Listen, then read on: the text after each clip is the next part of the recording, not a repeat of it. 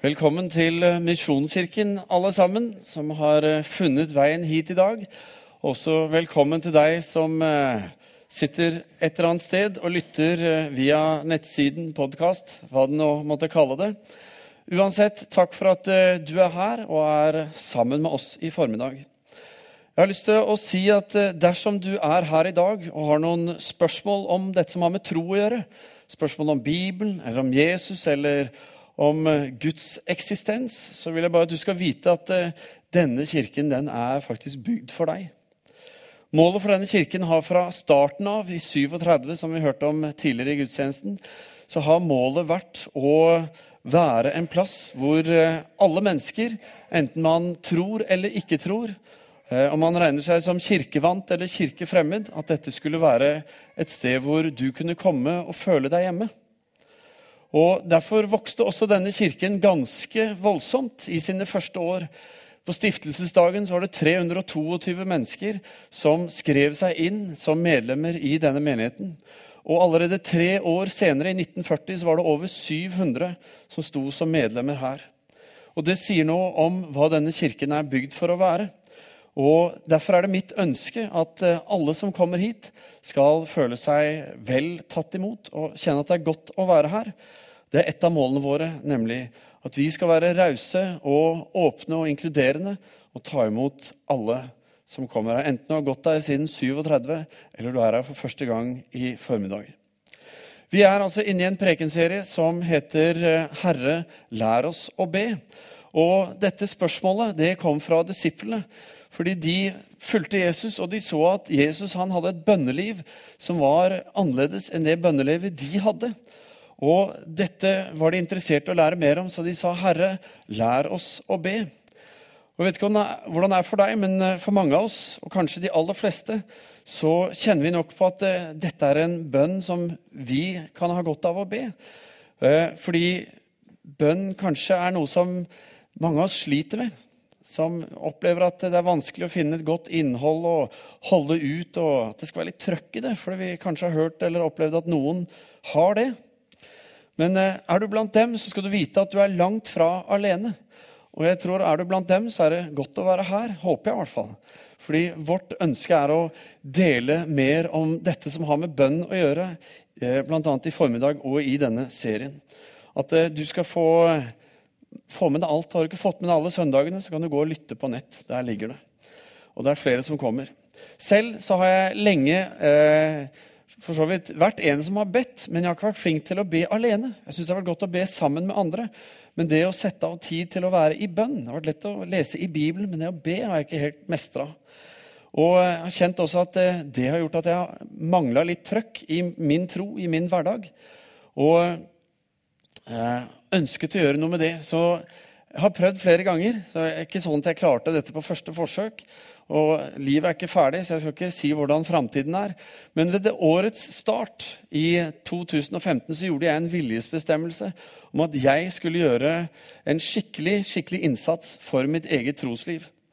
Eh, og jeg skulle stå opp tidligere hver dag hvor det var behov for det. Og det har jeg funnet der de fleste dagene. Eh, og jeg skulle lese Bibelen, og jeg skulle gjøre det med en klar bønn. Bønn til Gud om at Gud skulle åpenbare sitt ord. At jeg skulle få se Jesus i alle sidene, enten det var i eh, Det gamle testamentet eller eh, der hvor han på en måte står fram i evangeliene. Eh, og jeg begynte å bruke Fader vår som et bønnemønster, som måten jeg ba. Og jeg opplevde at det, det ga meg veldig mye. Og også en periode så har jeg fått bruke tid i faste, noe som jeg opplevde var med å skjerpe fokuset mitt og var til stor hjelp. Og nå har jeg det sånn at jeg står gledelig opp en time tidligere hver morgen for å få lov til å bruke tid i, eh, med bibellesning og med bønn og være innenfor Gud. Det er rett og slett blitt en vitamininnsprøytning for meg. Og det er jeg eh, glad for å kunne si, for jeg har hatt lyst til å si det i mange år. Men sånn har jeg det om dagen, og det er jeg glad for. Eh, vi har i denne serien snakket om hvordan Fader vår, bønn som Jesus da lærte disiplene å be, at den er ikke først og fremst en lesebønn, altså en sånn oppramsningsbønn. At når du leser den og sier amen, så er det gjort. Men eh, rett og slett så var Fader vår en huskeregel for å huske alle de leddene som vi skulle få lov til å bruke tid til å be inn i. Eh, for der er det en rikdom som Jesus ønsker at vi skal få del i. Og Vi har sett på eh, at Gud ønsker å gi oss Den hellige ånd. Fordi Den hellige ånds oppgave det er å åpenbare Jesus for oss og forherlige Jesus og minne oss på alt det han har sagt, leser vi i Bibelen. Sånn at vi også kan få erfare de tingene som vi kanskje ikke ser og ikke opplever med en gang. Så Den hellige ånd han er nøkkelen til et rikt bønneliv, et rikt trosliv. Nettopp fordi han løfter opp Jesus i våre liv og minner oss på dette. Og ikke bare minner han oss på det som står i Bibelen, men han vet om hva som ligger foran oss i dagen, og hva som ligger foran oss i morgen. Derfor er Den hellige ånd en viktig ledsager i tro og bønn. Tanken bak hvordan vi ber Fader vår, det handler altså om å be inn i leddene. Fordi leddene representerer så mye mer enn bare den setningen. Og Her er det altså en skattkiste som jeg unner alle å få oppdage. Og det er ikke sånn at du må begynne på bibelskole eller ta et eller annet studium for å skjønne hva det er. Jeg tror de aller fleste av oss vi har fått så mye opp igjennom at når vi begynner å dvele ved og grunne på og be inn i leddene, så tror jeg allerede da så begynner vi å bli minnet på en rekke ting. Så I dag skal vi altså se på dette leddet 'Gi oss i dag vårt daglige brød'. Og Den bønnen den minner meg om en bønn jeg hørte om her tidligere.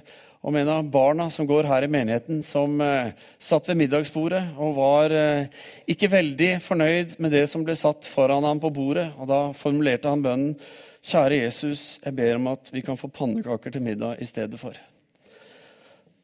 Daglig brød det er noe av det mest grunnleggende som vi mennesker har å forholde oss til i vår hverdag. Nest etter luft og vann så kommer brød. Og brød, mat, blir således et symbol for alt det som vi trenger. Eh, alle våre behov. Og Gud ønsker å gi oss alt det vi trenger. Men samtidig så handler ikke eh, dette bare om våre fysiske behov. Altså i det vi spiser rent fysisk brød, eller de jordiske tingene som vi har rundt oss. Men eh, Fader vår handler i like stor grad parallelt om det åndelige behovet som vi har som mennesker.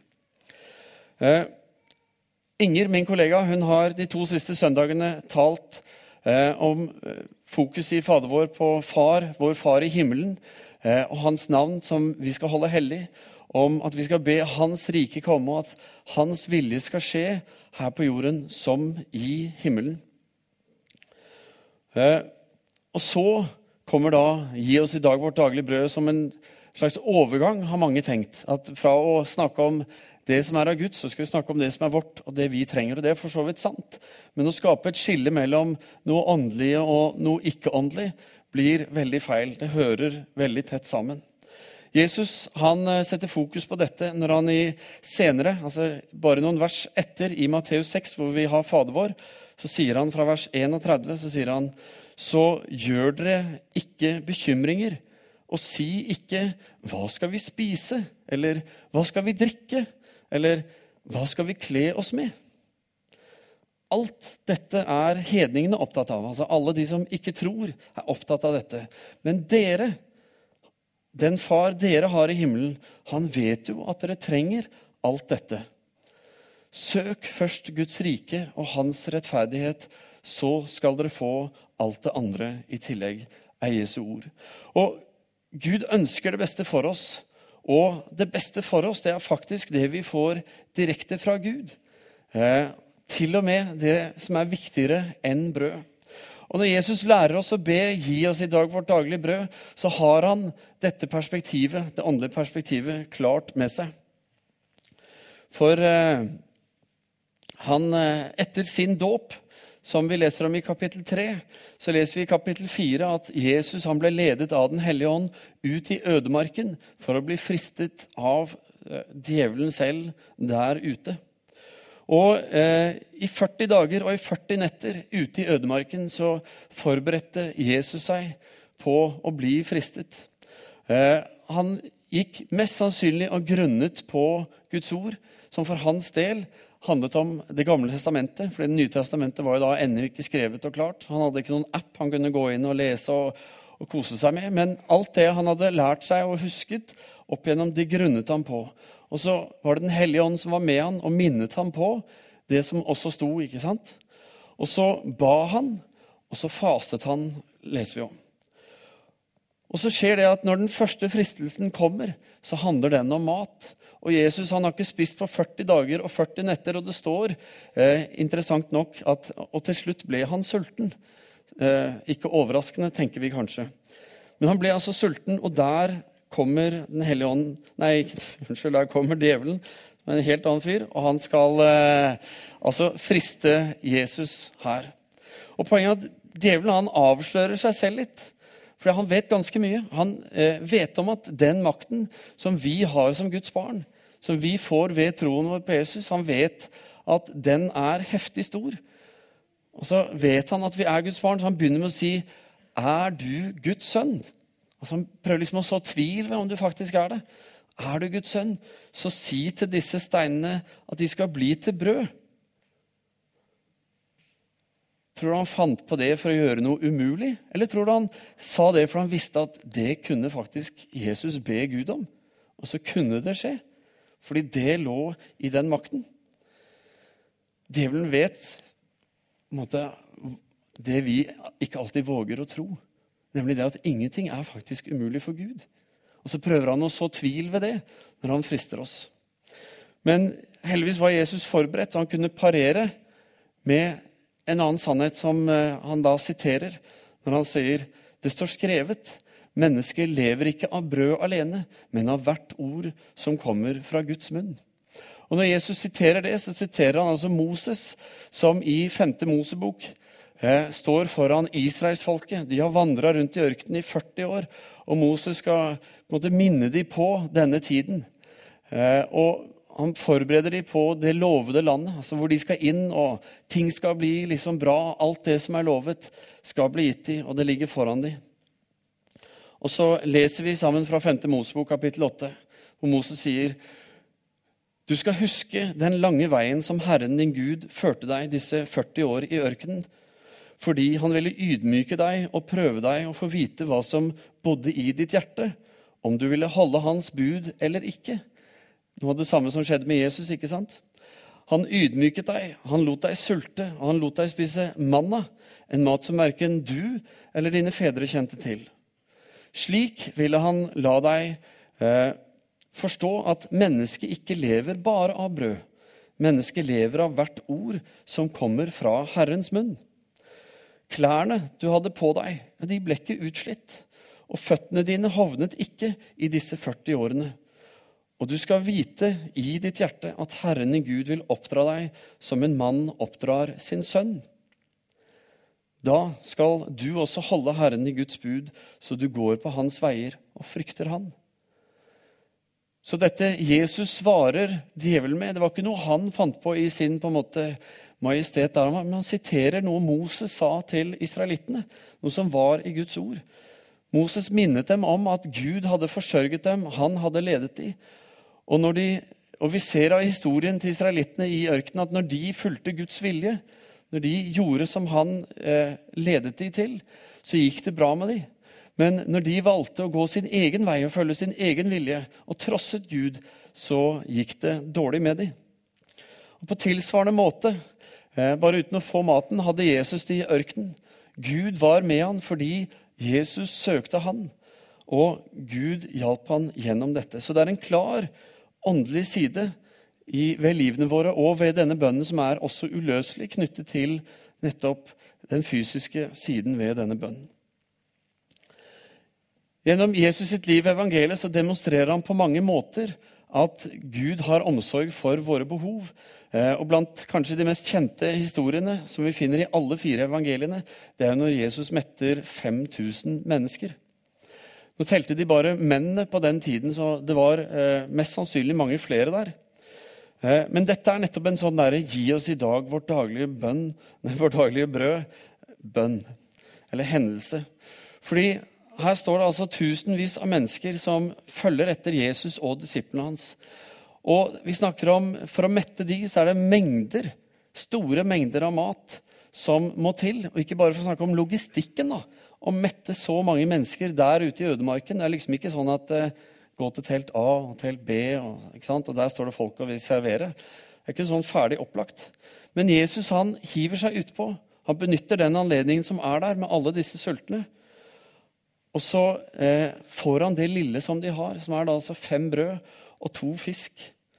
Og Så står det at Jesus tok denne maten, og så løfter han blikket sitt opp mot himmelen, mot sin far i himmelen, og så ber han. Og kanskje ber han gi oss i dag vårt daglige brød. Så står det at han begynner å dele opp denne maten ut i kurver, og så gir han til disiplene, og så sender han de ut for å mate alle disse menneskene. Så står det at alle fikk mat, alle ble mette, og disiplene kommer tilbake med tolv kurver fulle av mat. Altså mye mer enn det de hadde i utgangspunktet. Og jeg tenker Det sier noe om kraften i den bønnen, det leddet som vi snakker om i dag. Gi oss i dag vårt daglige brød.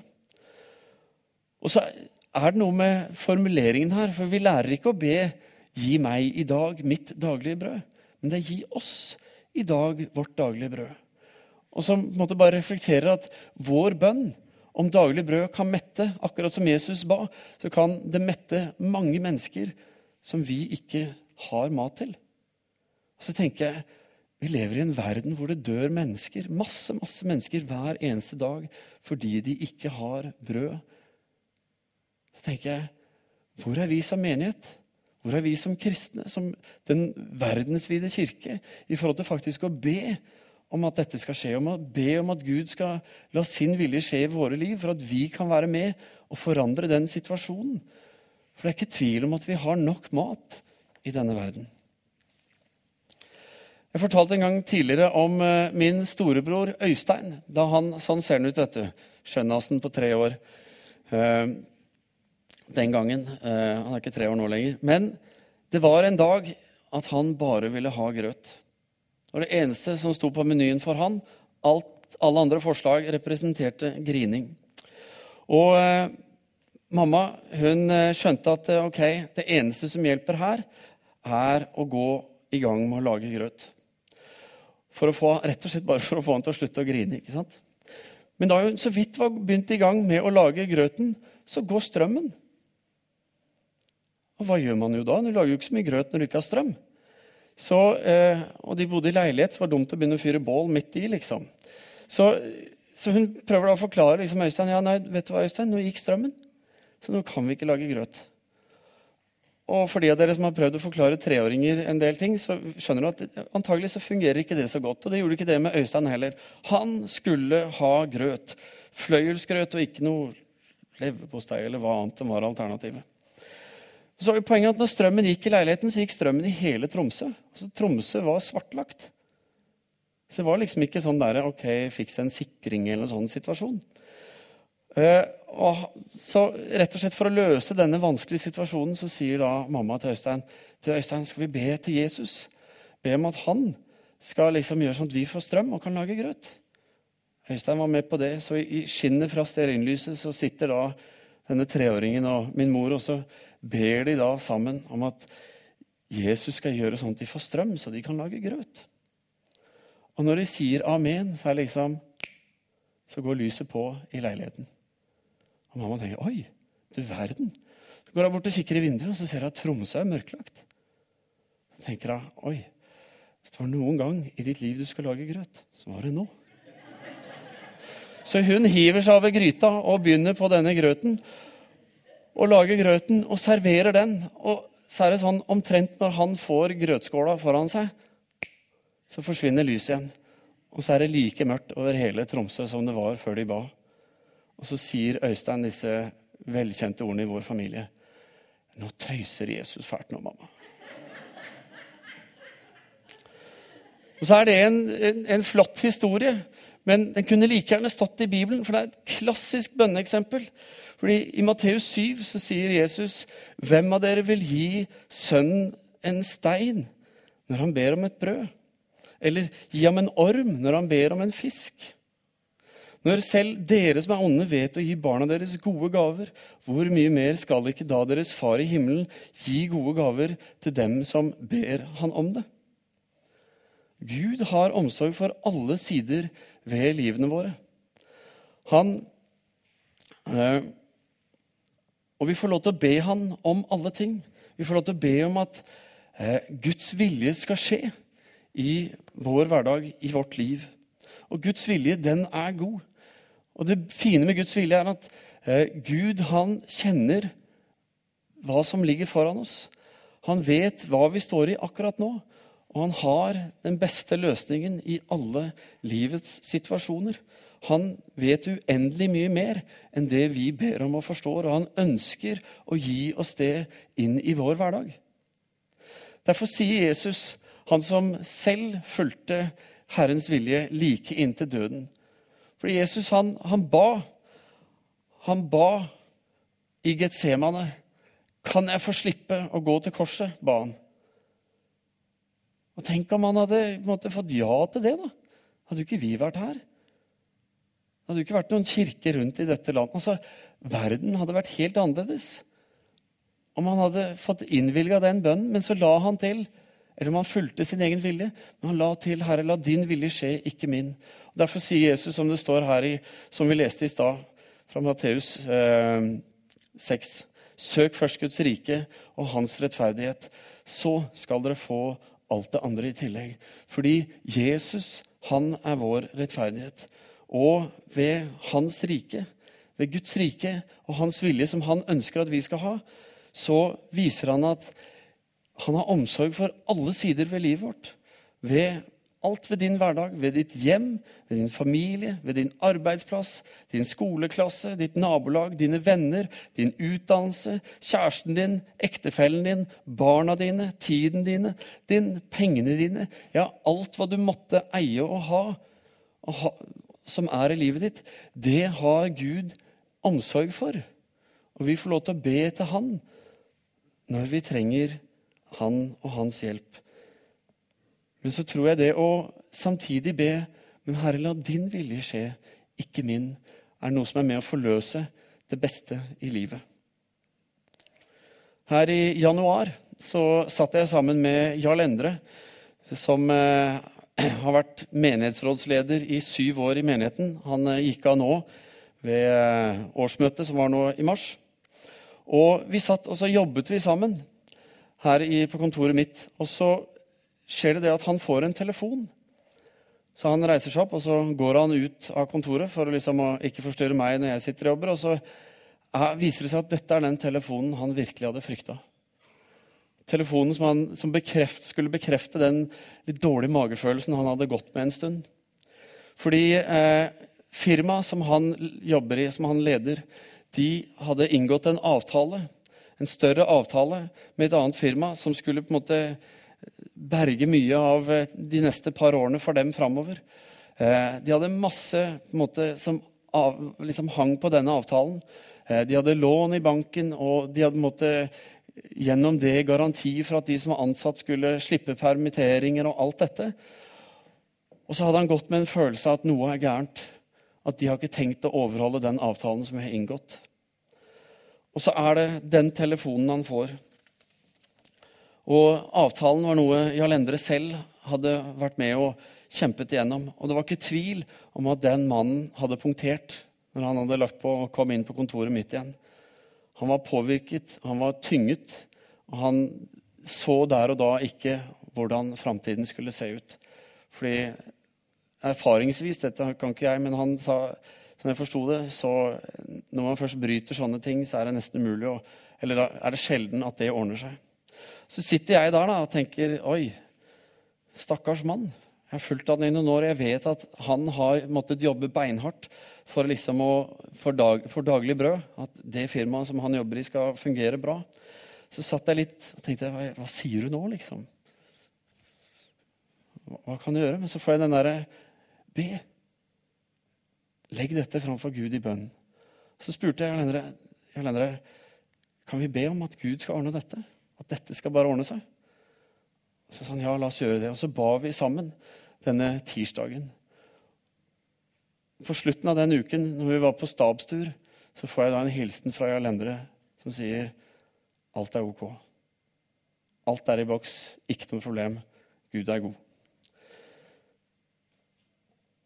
Gud ønsker å gi oss vårt daglige brød. Gud har omsorg for livene våre. Og denne bønnen, gi oss i, daglig, vårt, i, dag vårt daglige brød, det er en henvendelse til Gud. Det er en tillitserklæring som sier, 'Gud, jeg trenger deg.' Og jeg er avhengig av at du kommer og hjelper meg i min hverdag. Om kanskje ikke for å ha kneipen og servelaten på frokostbordet, men det er så mange andre ting i min hverdag som jeg kanskje trenger hjelp til. Og så er det noe med dette å bli avhengig av Gud som eh, ikke alltid høres så greit ut. Avhengighet er jo sjelden bra. Samtidig så har Gud skapt oss som selvstendige individer med fri vilje. Men så er også utfordringen fra Gud til oss om at det beste selvstendige valget vi kan gjøre ut ifra vår egen frie vilje, det er å be Gud la din vilje skje i mitt liv. Fordi han kjenner som sagt morgendagen. Og han har forberedt noe for oss som vi skal få gå inn i. Og den bønnen forløser det.